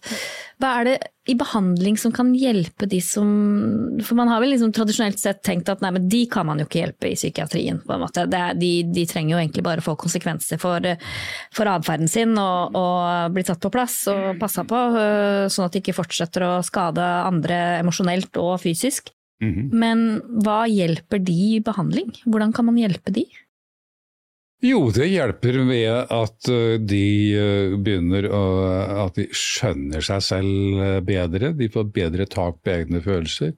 Forholdet til andre. Altså alt det som vil være det samme som ellers, ellers i psykoterapi. Altså som gjør at de, at de da tar også mer hensyn til seg selv. Altså i i retning av altså hvis du, eh, hvis du, er antisosial, eh, og da har du jo stor sjanse for å havne på kant med loven. Det, og litt ut og inn av fengsler. Eh, og da vil det være og, og du vil være ung. Altså de aller fleste Eller i norske fengsler, da. Så er det jo slik at det er vel 92-93 som er menn i norske fengsler. Det er altså bare en liten del som er kvinner på Bredtvet og noen andre spesielle, spesielle kvinnefengsler. Uh, av disse mennene uh, så er det flertallet det er mellom 18 og 35. Det, uh, og hvis du spør en person liksom, Men når du kommer i gang med Skal du, være, skal du holde på med dette her resten av livet? De, så, og også de fleste kriminelle de begynner altså Kriminalitet det er veldig kobla til alder. Eh, den mest intense perioden det er sånn i 20-åra og begynnelsen av 30-åra. Da Utover 30-åra så begynner kriminelle å bli slitne. Ja. De, Roer de seg ned litt? Da roer de, seg, roer de seg ned litt, og det var jo som han Tosca, han i Nokas-saken. Under rettssaken så sa jo han at, at det, var, det, var, han sa det var hardt å være kriminell. Ja. Det var ikke noe ni til fire-jobb, det var, var, et jævlig slit. Og da er spørsmålet sånn, hva skal du, ja, hva skal du gjøre da, når, når du er ute av den derre Eh, sånn, eh, den der perioden eh, med hvor du bare dundrer på og kjører på. Og det blir faktisk et økende eksistensielt dilemma. Så vi ser jo det. Vi ser jo folk som kommer til behandling hos oss. Som, i, som, kommer med motivasjon i retning av at endelig så begynner de å finne seg en, finne seg en kjæreste finnes det en dame som de bryr seg om, eh, og denne dama setter hårde, eh, krav. Altså i retning av eh, du må, gjøre noe med, du må gjøre noe med livet ditt, du må komme deg ut av dette her. For å komme deg ut av det, så må du gjøre noe med deg selv. Det, og så kommer de liksom ja, ja, ja, ja. Og det at andre sier at du bør, du bør gjøre noe med deg selv, du bør du må få noe psykoterapi. Jeg syns som utgangspunkt at det er aldeles utmerket. Det er etter hvert, Men så må jo det snus da, til en indre motivasjon. Det, men, men og mens tidligere i, tidligere i 20-åra så vil det jo være spørsmål om behandlingsmotivasjon. Det, men ja. Mm, ja. Men så bra da, at man ser det, at de kan faktisk hjelpes. Man kan gå i terapi og få det Og de, det er jo mest sannsynlig en stor lidelse blant disse mennene, stort sett, da, som har en antisosial personlighetsforstyrrelse også, sånn, sånn at de ja, selv de, også kan få det bedre gjennom ja, terapi? Ja, de, altså, de er jo ofte utagerende eh, og eksternaliserende, altså skylder på andre. Men de lider, og det ser man jo ofte ikke. Det, og, det, og, helsevesenet har, har, tradisjonelt snudd litt ryggen til dem. Det, så, så, vi har jo forsøkt å stable på bena opplegg for antisosiale. Eh, så på min avdeling så gjorde vi en del, en del framstøt for ja, 10-15 år siden. Mm, jeg henvendte meg til kriminalomsorgen frihet, DPS-ene rundt omkring, fordi vi ønsker å stable på bena et behandlingsprogram. Det, og klarte ikke å rekruttere noen i det hele tatt, for de sier at nei, Nei, vi har ikke det her, eller hvordan uh, og sånn. Men uh, i Bergen så har vi et program gående hvor, man, hvor nå da man høster mer og mer erfaring med hvordan skal du få dette til å funke. Mm. Og, og her, her, er det jo da lagt stor vekt på gruppeterapi. Ja. Og den første antisosiale gruppa som ble forsøkt i Bergen, den fikk de ikke til. De, eh, de, det ble bare altså Den ble stiv, det eh, var ingen som eh, hadde noe utbytte av den. Folk slutta, og de, liksom, de bare ga opp. Og så var OK, hva skal vi gjøre annerledes her? Hvordan skal vi få, skal vi få dette til? Og én viktig ting, tenker jeg, var nok det at i neste forsøk så hadde man to mannlige terapeuter overfor en gruppe med menn. Uh, som uh, også, har en, uh, også, har en, viss betydning. Så i gruppe, i gruppe nummer to så begynte det å bli, bli annerledes. Og det var og jeg har jo sett videoopptak av disse, av disse gruppene, som har vært liksom, etter min mening strålende. Så bra. Liksom, se her, her funker det, her, dette er her, her er det et utviklingspotensial. Men eh, altfor lite brukt. Ja, ikke sant. Men så bra at det, nå finnes det, da. Når man har sett at det har funka, så kan vi håpe at det rulles ut i litt flere kommuner i landet. Ja, så det, men så er det jo da tross alt uh, funker det. Altså, Blir folk bedre av det? Altså, blir folk ja, Det vet dere ikke ennå? Så vi har jo da, eller I Bergen så har det kobla et forskningsprosjekt på det. da.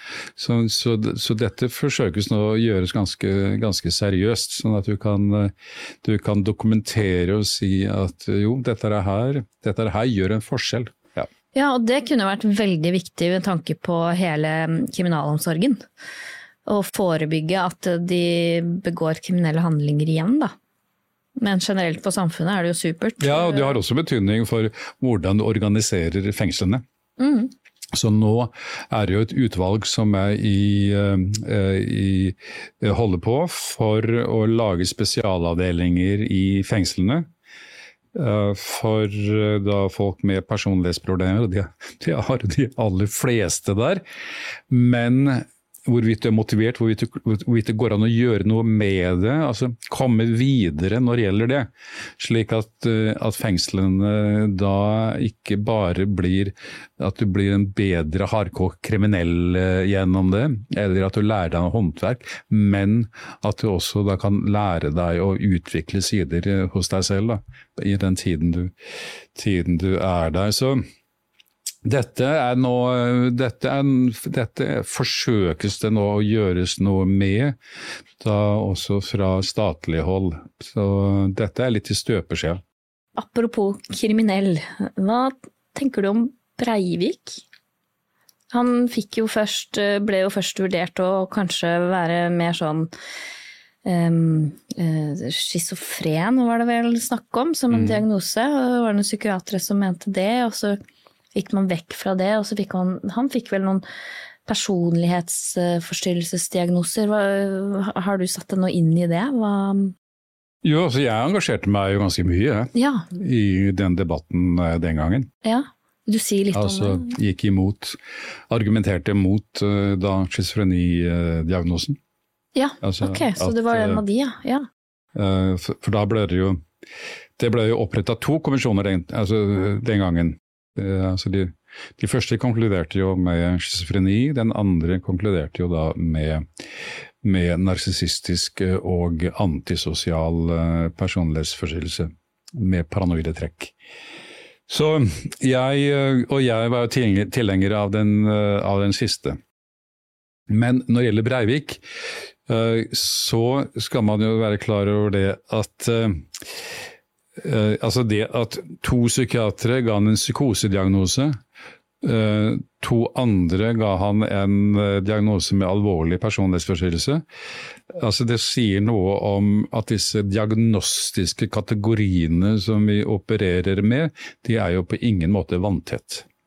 Det, så Eh, så Breivik eh, er vel eh, uten at jeg har, skal fjerndiagnostisere han, eller, men, men altså, han er jo åpenbart en vanskelig case som ligger sånn, sånn litt mellom da det er mer, det er mer firkanta boksene eller kategoriene. Ja, ja, for alle mennesker passer jo ikke inn i én bås. sånn Nei, det, vi, vi gjør ikke det. Nei. Men skal vi snakke litt om Det er jo i hvert fall tre andre som eh, personlighetsforstyrrelser som kanskje kunne vært litt interessant å snakke om. Du har jo den unnvikende, og så har du den avhengige, og den paranoide. Eh, kanskje vi for kort bare kunne snakket litt om de også, så har vi på en måte snakket om litt flere forskjellige. Eh, ja, de unnvikende er jo de som forekommer hyppigst, da. Ja. Så det er egentlig ganske vanlig ja, blant Men de lager mindre bråk. Klart det. Så derfor er det mye mer oppmerksomhet eh, omkring de emosjonelt ustabile. Men eh, tallmessig sett så er det langt flere eh, med unnvikende personlighetsforstyrrelse. De altså, som da har Som er engstelige, trekker seg ofte, beskjedne Uh, veldig lav uh, selvfølelse. Selvanklagende, bebreider seg selv, har trøbbel med selvhevdelse og har trøbbel med tilgang på følelser. Akkurat. Det, som, men som også da kommer i alle grader av, av alvorlighet. Ja. og ikke enkle, å, ikke enkle å behandle. Det er fordi at For oss som er veldig opptatt av, eller som liker grupper, da vil de med unnvikende de vil gjerne bli, sette seg litt sånn fastlåst i også en unnvikende posisjon i gruppa, for det er skummelt for dem å være i en gruppe. Altså det, det er rett og slett. Så, så, i grupper så plasserer du de litt i det som de sliter aller, aller mest med.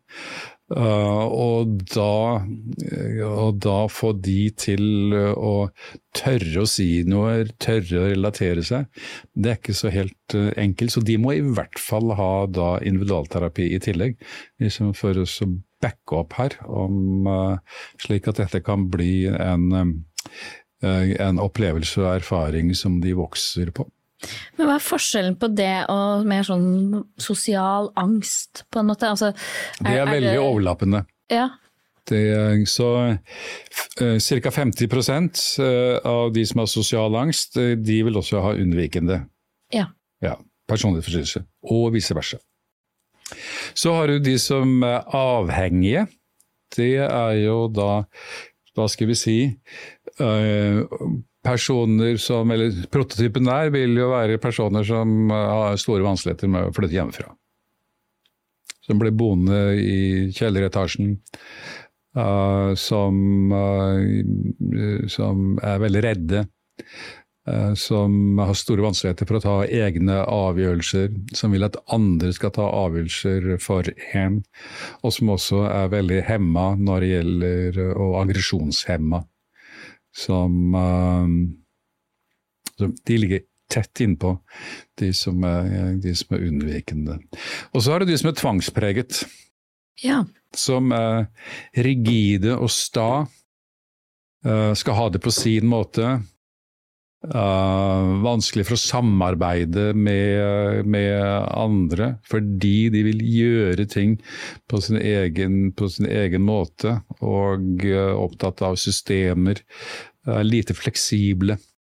syns ikke at teamarbeid eh, er noe morsomt i det hele tatt, men liker seg gjerne inne på et byråkratkontor, hvor de kan sitte med, med lister og passe på at ting blir gjort ifølge reglene. Mm. Men det, det høres jo ut som at det kanskje kan være litt overlapp både med de som har en sånn Asperger eller er i autismespekteret. Og, og OCD kanskje, eller? Ja, mer med altså Hvis du har en tvangsprega personlighetsforstyrrelse, mm. så vil du ofte også ha tvangslidelse. Altså ja. tvangstanker og tvangshandlinger. Ja. Det, men, men, folk kan være mer eller mindre tvangsprega. Og, og, så har du de som da er, er rotete, altså som, er, som jo er det motsatte. Som aldri er orden på noen ting. Altså Samfunnet trenger folk med forskjellig personlighetsstruktur. Altså de som, de som er tvangsprega, de er jo utmerket når det gjelder å passe på at alt går skikkelig for seg. At togene går i rute. Det at uh, klokka går. at, regl, at, reglene følges. det, altså for moderne samfunn krever det at det, det må være visse ting som funker. At, som, ikke, som ikke tåler avvik, rett og slett. Det, og så, men samtidig så, trenger, samtidig så trenger vi vi trenger også kreativitet, vi trenger lek. De tvangspregede har veldig store problemer med å leke, med å slippe seg løs. De, og de er ganske sinte, egentlig. Eh, det, så ja, det kan være litt vanskelig å forholde seg til for en del mennesker, da, hvis man ikke kjenner til hvordan man skal forholde seg til akkurat den personen som er veldig tvangspreget? Ja, eller vanskelig å forholde seg til. Altså, de fleste vil jo tenke som så at ah, går det an å være så Må det være så rigid, da? Ja, ikke sant? Det uh, som uh, det, altså, En som er veldig tvangspreget, altså, kan ha det allerede utmerket. Hvis du har et yrke som passer for det. Men, eh, men, i relasjoner så vil det jo gjerne være altså for Da vil man jo gjerne ha det på sin måte der også. Som eh, Altså i sommerferien så drar vi dit og dit. Ja, vi drar ikke noe annet. Vi drar ikke noe annet sted. Vi drar ikke på hurratur eh, i Europa og uh, improviserer uh, underveis og Nei. Dette her må være veldig planlagt og, og nøye. Ikke veldig impulsiv, da. Ikke veldig impulsiv. de som er mer impulsive, det er jo da en, det er jo de som er dramatiserende. Altså en dramatiserende personlighetstype. De som er litt histrioniske? De som er litt histrioniske, ja. Det er, det, det er liksom det offisielle navnet, navnet på dem. Det er, som eh, da De er da Eh, de liker å improvisere. De liker eh, Altså, de er dramatiserende, de er gjerne seksualiserende.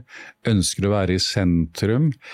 Jeg, tenk, jeg tenker at det er mye narsissisme i det. Det er altså som eh, Ja, det er mye overlapp her på disse forstyrrelsene. Ja, det er det. Det er jo en del som er sånn blandet også, rett og slett. Fordi man har på en måte Og så er det noen av de som overlapper mer enn andre, har jeg skjønt. Ja, eller du har noen som ikke som sliter med seg selv, men som ikke faller pent på plass innenfor en sånn kategori, som, som du da kan kalle blanda mm. personlighetsforstyrrelse.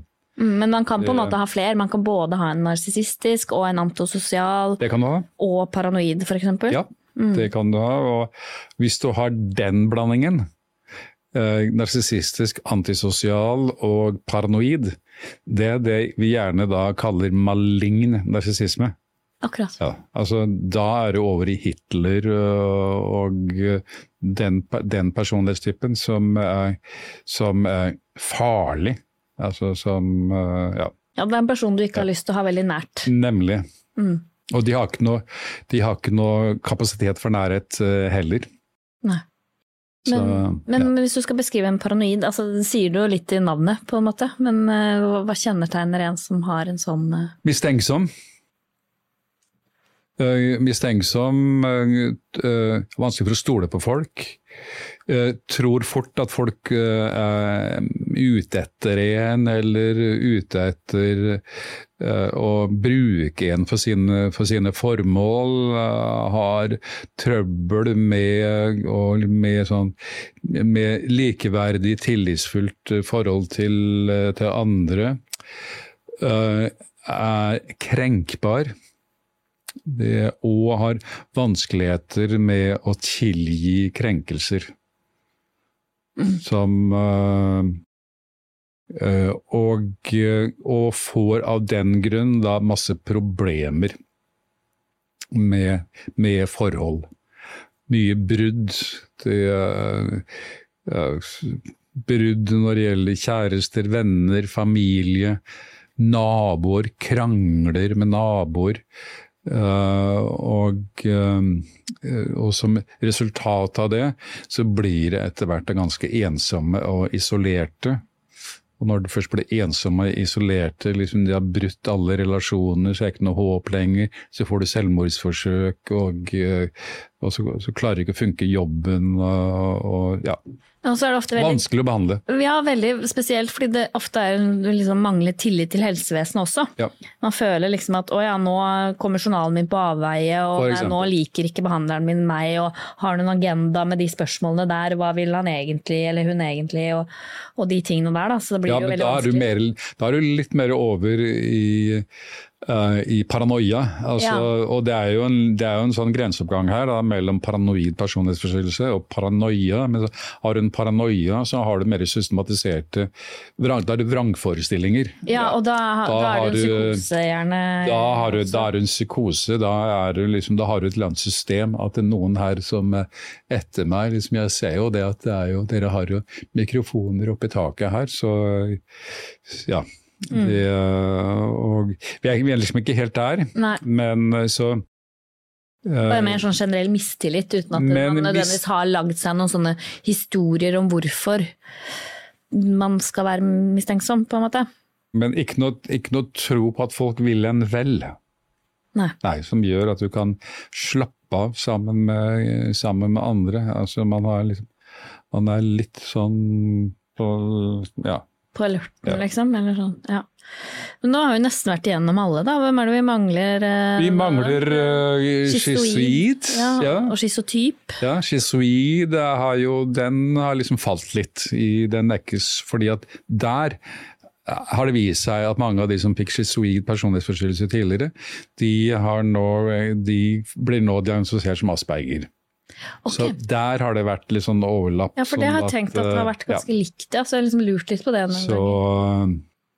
Mm. Men de med schizoid, de, har da eh, de, eh, de har veldig lav affektbevissthet, altså tilgang på følelser.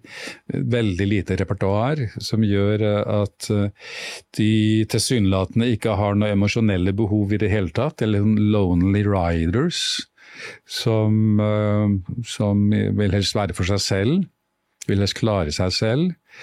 Uh, så en schizoid, har du en schizoid personlighet, så, så kan du trives utmerket uh, da som fyrvokter på Helgelandskysten, eller på Svalbard, eller Jan Mayen. Trenger ikke å se noen mennesker i det hele tatt. Du har tilsynelatende ikke noe behov for, for andre mennesker, du har ikke noe behov for sex. Det, det og tvert imot blir gjerne litt ubekvem når andre kommer en, eh, kommer en eh, nær. Og pga. disse tingene så vil de jo heller ikke søke behandling. Nei, for de syns kanskje det er greit, bare de får være i fred? Det er bare greit hvis jeg får være i fred. Som, men dette her er, det er ikke, Tidligere var man opptatt av liksom schizoide, men, men dette her har liksom, det, er, det er ikke noe særlig faglig debatt lenger om. Vi ser, vi ser veldig få eh, egentlig schizoide. Så det er en kategori som er på vei ut. Ja.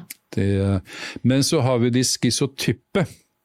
Det, og de er de som ligner litt på schizofreni, men som ikke, ikke er eh, schizofrene. Men hvor 20% av dem blir det Altså De utvikler seg i den, den retning, men som da er veldig sky. Er veldig ukomfortable i forhold til, eh, til, andre mennesker. Har veldig trøbbel med å omgås andre, med smalltalk eh, og, eh, og er mer opptatt av liksom, bisarre tanker og fantasier. Og sensitive. Uh, har ofte følelsen av uh, overhodet ikke å henge sammen og gå fullstendig i stykker uh, inni seg. Har, kan være småhallusinert innimellom, høre stemmer. eller tenke, tenke, som så at liksom, oi, bak der bak denne skjermen der, så er det vel en eller annen person, er det ikke det? Altså som uh, Ja, Så litt i grenseland, da? Litt i, ja, veldig i, uh, veldig i grenseland. Som uh, ja. ja. det høres liksom vanskelig å liksom, skille på når, når går det over til schizofreni, hvis det er en del som faktisk også beveger seg mer ut, da. Men ja. Og de, de trenger virkelig behandling. Ja, men hva slags behandling er det de trenger da? Ja, De kan etter min mening utmerket godt gå inn i et, uh, et MBT-program. Uh, men man må bare være klar over liksom hvor det befinner seg hen. Og at man må gå langsomt til verks. Og, men men eh, for hvis ikke de får skikkelig behandling, så vil de ofte bli veldig sosialt isolerte, hjelptrengende. Uh, havne, i, uh, havne i psykiatrien. Og, for de har gjerne da ikke noen venner, de har lite sosialt nettverk, slik at helsevesenet etter hvert må overta mer og mer når det blir å ha et veldig lavt uh, funksjonsnivå. Men de har et utviklingspotensial som, uh, som, det er viktig å se, som det er viktig å gjøre noe med. Mm. Men de også er vel kanskje noe som ville blitt satt på medisiner hvis, hadde, hvis ikke de fikk noe mm, Eh, opplegg innen MBT f.eks.? Ofte vil de eh, få masse medisiner. Mm. Ja. Hva tenker du om det, da? Jeg vet jo litt hva altså Du har jo vært litt aktiv i den debatten omkring det med medikamenter i psykiatrien. Det var jo skrevet et litt sånn krast innlegg. Nå må vi slutte å ha sånn pilleskam. Fordi en del mennesker trenger eh, også medisiner for psykiske lidelser. Ja, var ja altså, det var en Norsk psykiatrisk forening, var jo styret der, mm. som gikk ut og sa at liksom, psykiske lidelser det er sykdommer. Og uh, sykdommer det er noe som folk trenger uh, medikamentell behandling for. Og de må slutte å skamme seg. Veldig over. kategorisk? Ja, veldig kategorisk. Og det var jo det som jeg reagerte på. At, uh, så jeg tenkte nå må psykiaterne ta seg sammen. Det, det at det er noen som, noen som, trenger å ha nytte av psykofarmaka, ja det er det. Eh, og særlig da med alvorlige psykiske lidelser. Men, eh, men, det er masse folk eh, som eh, har vel så nytte av, bedre nytte av psykoterapi det er det å utvikle seg. Og at psykiaterne går ut og sier at dette er sykdommer som skal behandles medikamentelt. Det er når det etter min mening, og som er ganske veldokumentert, altså det foregår en massiv overbehandling innenfor, uh, innenfor helsevesenet. Og særlig Norge som en godt fungerende velferdsstat burde gå i liksom være i førersetet når det gjelder å kunne tilby andre psykososiale tiltak istedenfor medikamentell eh, behandling. Altså Folk må utvikle seg, med, altså folk, må, folk, må, bevisstgjøres sine egne følelser. Også du som driver med emosjonsfokusert uh, terapi, de må komme i kontakt med følelsene sine, men det kan være vanskelig. Men de må kunne tenke, de må føre dialog med sider ved seg selv. Det er ikke, og psykiaterne skal ikke opptre uh, dit hen at de skal legge lokk på Eh, på folks følelser. Tvert imot. De, altså, de skal få folk til å snakke om sine følelser, det, men da må du skape arenaer eh, for det. Det, så, så, her gikk psykiaterne Men det, det var jo styret i Norsk psykiatrisk forening, da. Det er jo ganske alvorlig. Gikk veldig, veldig sånn skeivt ut, etter min mening. Og hvor de også For jeg skrev et eller annet med at de grupper. Norsk psykiatrisk, altså Jeg er medlem av Norsk psykiatrisk Ja, Vi snakker på en måte på vegne av alle psykiatere, da, på ja. et vis. Det, så, så norske psykiatere er en sammensatt uh, gruppe, og en del uh, deler jo synspunktene til dette, til dette styret, men på ingen måte uh, da alle norske psykiatere. Så, så et styre bør, bør ivareta mangfoldet, og øh, de, sånn som, sånn som man la opp til her, så etter min mening, så vil jo da psykiaterne isolere seg fra andre yrkesgrupper innenfor psykisk eh, helsevern, i stedet for å samarbeide med, være i dialog med, altså kunne eh, kunne bruke all masse Altså, eh, vi må ha Vi må kunne gjøre mange forskjellige ting. Altså, men vår, vår medikamentell behandling i perioder er én del av det man holder på med. Ja. Mm. Ja, og det er så bra da at du fikk eh, vist at her, eh, disse holdningene gjelder ikke alle psykiatere. Um, og, men tror du det har noe med profesjonskamp å gjøre? At det, det ble skrevet et så krast innlegg fra eh, foreningen din? Uh, ja, eller profesjonskamp. Altså det har noe med det å gjøre, men det har nok med det å gjøre at, eh, at psykiaterne strever litt med sin rolleforståelse. Altså, hvilken rolle skal en psykiater ha innenfor eh, dagens eh, psykiske helsevern? Det, hva, skal en, hva skal en psykiater stelle med? Det, og eh, fordi i løpet av de senere åra så har det kommet masse nyutdanna psykologer som da har fylt opp stillinger i psykisk helsevern, og som har overtatt mer og mer terapeutiske eh, eh, funksjoner. Eh, og okay, og så hva skal psykiaterne drive med, da? Ja, kan vel også drive med psykoterapi? Ja, ja da, men, men de har blitt gjerne sittende med De skrev tvangsvedtak, eh, eh, de skal ta standpunkt til medikamentell behandling, eh, de skal være, de skal være kontrollører som Altså at de har blitt puffa inn i en rolle her som, som jeg tror også mange yngre kolleger er veldig ubekvemme med. Ja, så de ønsker egentlig ikke den rollen, men da er det jo litt rart å gå ut så kraftig og si at ja, men vi trenger mer eh, medikamentell behandling. Ja, det, det, det syns jeg også.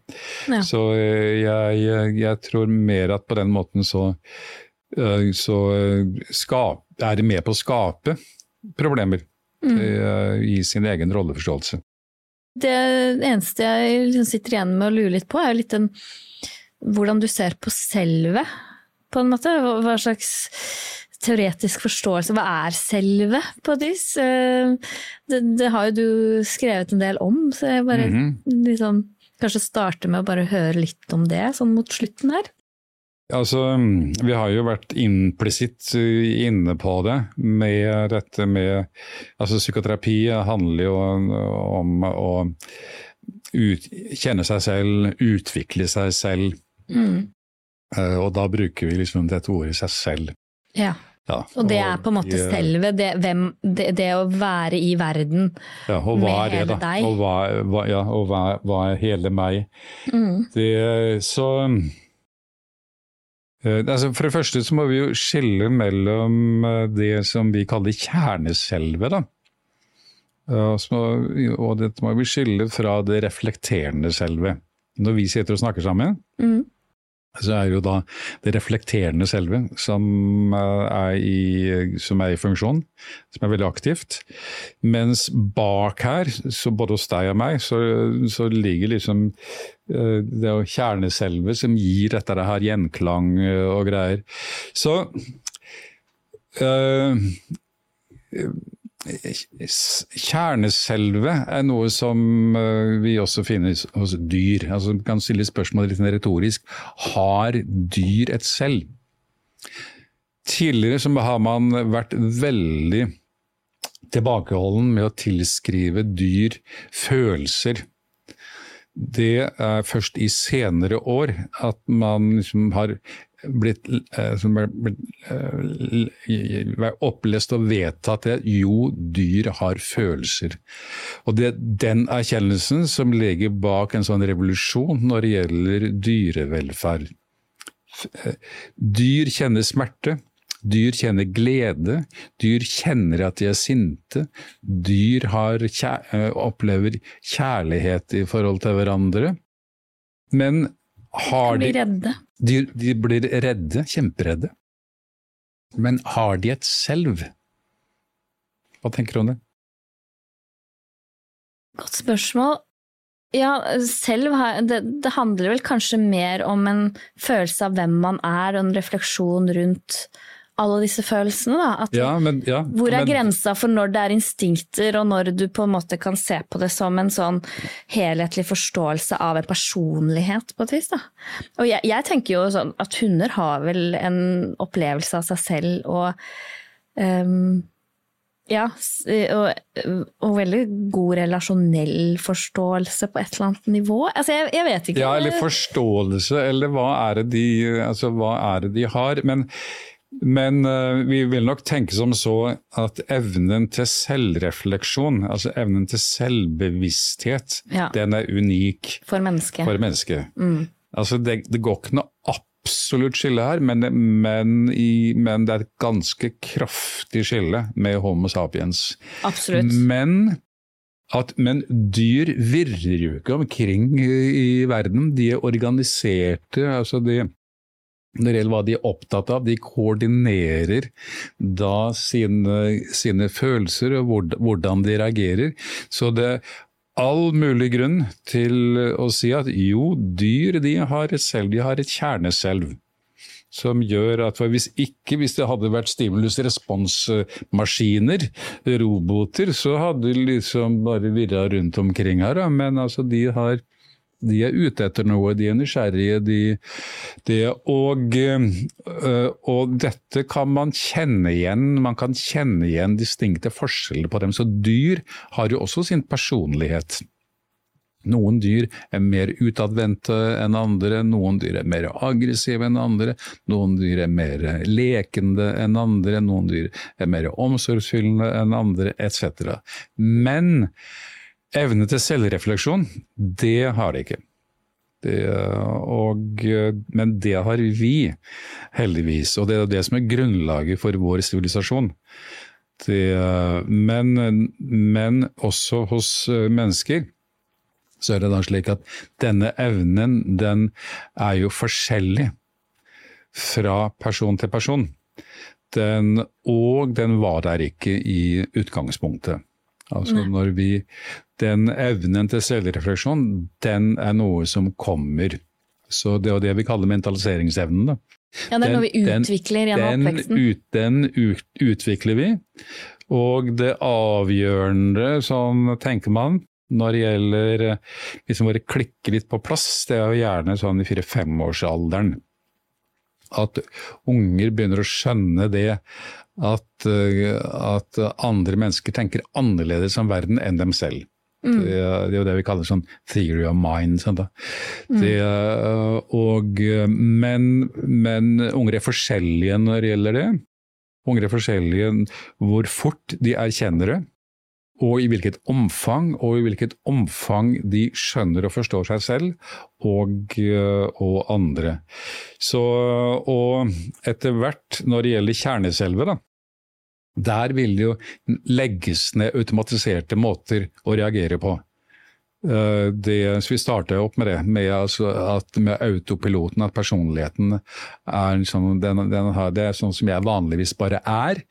Uh, og det er jo Så det har jo, ned, nedfelt seg uh, noe i oss. Så, så det ligger i kjerneselvet etter hvert, som blir jo uh, og det, når vi driver psykoterapi, så ønsker vi både at vedkommende får en annen selvforståelse, eller bedre selvforståelse, Samtidig som vi ønsker å gjøre noe endring med kjerneselvet, slik at folk spontant reagerer annerledes. At de, de trenger ikke nødvendigvis å tenke seg om, men det, liksom, det går inn i deres repertoar. De begynner, og det er jo det pasienter forteller om når de sier at ja, nei, nå har jeg merket noe rart, at for vanligvis pleier jeg, men plutselig en dag så, så, gjorde jeg et eller annet, det bare skjedde. Oi, og jeg kjente meg nesten ikke igjen, men det var, det var ganske kult. Altså, mm, som, ja. Eh, altså, det er da, gøy når sånt skjer. Det er gøy når sånt, uh, sånt skjer. Og da har du liksom Da er det kjerneselver som begynner å få an, et annet repertoar. Ja. Som, uh, og dette henger sammen da med med måten man tenker om seg, altså evnen til selv, selvrefleksjon. Når du driver, når du driver emosjonsfokusert uh, terapi, så, du, så, jobber du jo med kjerneselven når, når du skal øke emosjonsbevisstheten. Mm. Det går det an å kjenne etter liksom, hva som rører på seg her. Og så jobber du jo da med det selvreflekterende selve når det gjelder å forstå hva var det egentlig som, som foregikk, og i hvilke situasjoner og når og hvordan uh, det Så selve er ingenting.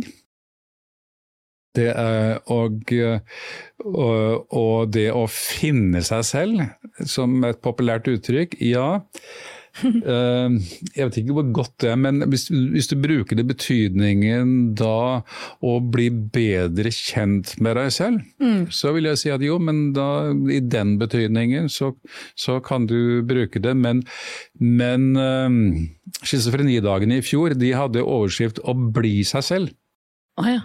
Og Det er etter min mening eh, ganske feilaktig uttrykk. Det å bli seg selv Altså, vi blir aldri Vi blir aldri identiske med oss selv. Altså, man kan, man kan ha en lengsel etter det. Altså, at, bare, at, at, bare det å være i verden, det er noe som At det, det liksom bare skal folde seg ut øh, og nærme seg en slags sånn paradisisk øh, mhm. lengsel. Det er ikke noe problem lenger. Det er jo det er en romantisk øh, drøm. Vi vil alltid måtte forholde oss til oss selv. Vi kan aldri bli oss selv. Vi, så det er forholdet til seg selv og forholdet til andre som uh, da kan uh, endre seg og utvikle seg, og som gjør det hele tiden. Mm. Også da i pakt med hva slags samfunn som vi lever i. Ja. ja men det var en interessant uh, forklaring. fordi jeg tror nok folk har liksom forskjellig forståelse av ja, hva, hvem, hvem er Hva er selve, rett og slett. Så takk. Men, men, hvorfor har du vært så opptatt Hva var det som gjorde at du ble så interessert i personlighet og selve og gruppepsykologi?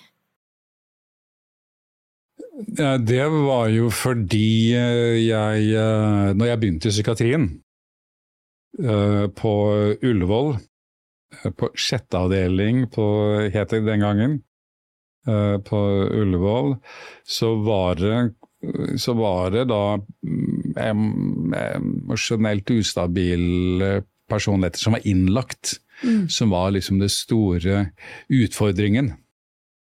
Fordi, og det, Man drev masse gruppeterapier der, men hadde ingen utdannelse i det. så det var, men, man, hadde, man hadde mange fine holdninger. Ja. Dette, var, dette, var, med terapeutisk samfunn. Man, fine holdninger om bruk av grupper, bruk av offentlighet, fri og åpen kommunikasjon. Men, eh, men eh, slet med tekniske ferdigheter. Liksom. Hvordan, du, hvordan, du, skulle gjøre det. Hva besto personlighet egentlig av? Mye rare tanker omkring uh, Veldig freudiansk den gangen, veldig psykoanalytisk uh, orientert. Og Freuds personlighetsteori er jo, er jo har jo store mangler. Ja, karakteranalysen er vel litt, bygger vel litt på det, eller?